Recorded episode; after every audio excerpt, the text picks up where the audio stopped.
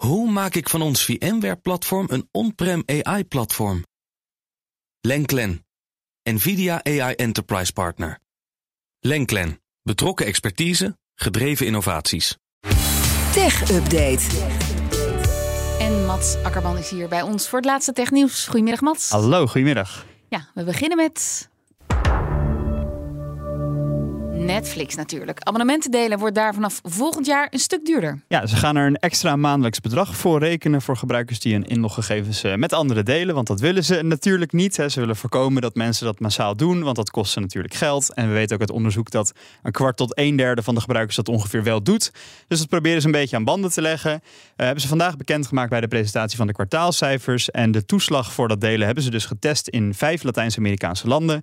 En dat ging dan om een toeslag van 3 dollar extra per maand. Dus een Wil klein jij bedrag. je Maar uh, account? ik uh, zit op die van mijn ouders. Maar in een ander huis? Ja. Ja, ja. Ja. Maar oké, Dus ik, ben al, ik ben al zeker tien jaar thuis uit Lisbeth. Maar, dat, maar dat, dat, dat mag dan straks niet meer. Uh, dat, mag, dat mag volgens mij nu ook al niet. Maar jawel, dat mag gewoon. Ja, of, nou ja we- we- je hebt dan vijf accounts Ja, op één. Nou, precies. goed, ik Ja, weet ja. niet maar precies. Maar... eh, oké, maar hoe eh, eh, is het alsnog goedkoper dan dat je in je eentje een abonnement neemt? Ik ben even, even aan mijn rekening aan het denken. Ja, waarschijnlijk wel. Dat denk ik wel. Ja, 3 dollar extra voor één persoon extra. Ja. Terwijl een volle- volwaardig abonnement kost volgens mij 10 euro of zo. Ik weet nog niet hoe, hoe duur het hier gaat worden hoor. Maar in die end ben je denk ik nog steeds Ja. goedkoper uit. Eh, maar goed, dit ging dus om een test in, Latijns-Amerika. Ze konden één thuislocatie dan aanwijzen. Dan zeg je dus hier woon ik. En als je dan langer dan twee weken de Buiten die locatie gebruiken, gebruikte, dan kreeg je die toeslag van 3 dollar. En om dat dan vast te stellen, keken ze naar IP-adressen, apparaat-ID's en de accountactiviteit van apparaten van bijvoorbeeld de Netflix-app voor je tv. Dus ze keken, probeerden te kijken waar je was.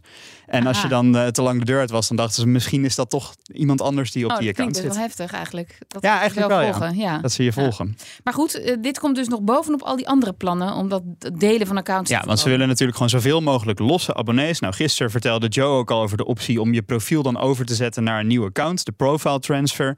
Zoals je uit huis gaat, dat je zegt: ik neem mijn eigen account met die eigen gegevens en geschiedenis neem ik mee naar een nieuw account. Ook nog in de pijplijn natuurlijk is het goedkopere abonnement met reclame. Dat komt 10 november in 12 landen. In Nederland weten we nog niet wanneer. En ze hopen het abonne- aantal abonnees ermee op te krikken. Maar goed, het, de daling lijkt sowieso voorbij. Want vanochtend Oh. kwamen de kwartaalcijfers. En ze kregen er 2,4 miljoen abonnees bij. Na twee kwartalen van krimp. En dat was ook meer dan de 1 miljoen groei die ze hadden verwacht. Dus eh, het staat er weer iets beter voor met Netflix. Oké, ze hadden dus een goed kwartaal. Maar met de smartphone-markt gaat het een stuk minder. Ja, die hadden het slechtste derde kwartaal sinds 2014. Het aantal verscheepte smartphones was 9% lager dan in dezelfde periode vorig jaar, meldt marktonderzoeker eh, Canalis. En de oorzaken zijn onder andere de hoge inflatie, hoge energieprijzen. Nou goed, allemaal redenen waardoor consumenten denken: ik koop toch niet een dure smartphone of andere gadgets. Je ziet het ook bij de markt voor computers. Die is ook aan het dalen. En het had ook nog te maken met de slechte economische vooruitzichten in China. En de lockdowns daar, die hadden er allemaal een negatieve invloed op. Alleen Apple zag het marktaandeel stijgen van 15 naar 18 procent. Ze zijn daarmee de nummer 2 achter de marktleider Samsung. Die hebben nog 22 procent. Maar over het algemeen een behoorlijk somber beeld voor de smartphone-markt. En als je denkt, heb je dan echt niks positiefs te melden? Ja, nee, niet echt. Want diezelfde marktonderzoeker verwacht ook de komende kwartalen, dus meerdere, tot in heel 2023 eigenlijk geen herstel. Oké, dan hebben we nog heel even tijd voor TikTok. Er is een TikTok-filter dat zich schuldig zou maken aan vetshaming. Ja, eh, fascinerend wel. Eh, een beetje verontrustend misschien ook wel. Het, is, het gaat om een filter dat de meest gebruikte apps van een gebruiker zou tonen. Het heet My Screen Time. krijg je een blokje op je voorhoofd en die laat dan de top drie van jouw meest gebruikte apps zien. Waar je de, de meeste Ja. tijd aan kwijt zou zijn op je telefoon. We weten niet of dat filter echt gebruik maakt van de data op je telefoon of gewoon willekeurig steeds drie appjes genereert voor de leuk.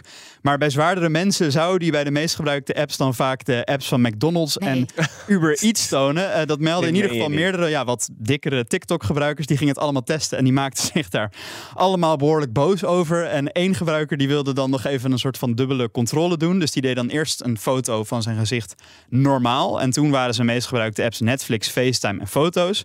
En als hij dan zijn hoofd wat naar achter duwde om een, een onderkin te Ja. faken. Toen stond opeens Uber Eats er Nee. alsnog wel tussen. Dus eh, ja, Wat- een, een vetshamende TikTok-app. Bizar verhaal. Ja, Dankjewel. jij bent altijd heel erg tegen vetshamen natuurlijk. Zeker, zeker. Dankjewel, Mats Akkerman. De BNR Tech Update wordt mede mogelijk gemaakt door Lenklen. Lenklen. Betrokken expertise, gedreven resultaat. Hoe vergroot ik onze compute power zonder extra compute power? Lenklen. Hitachi Virtual Storage Partner. Lenklen. Betrokken expertise, gedreven innovaties.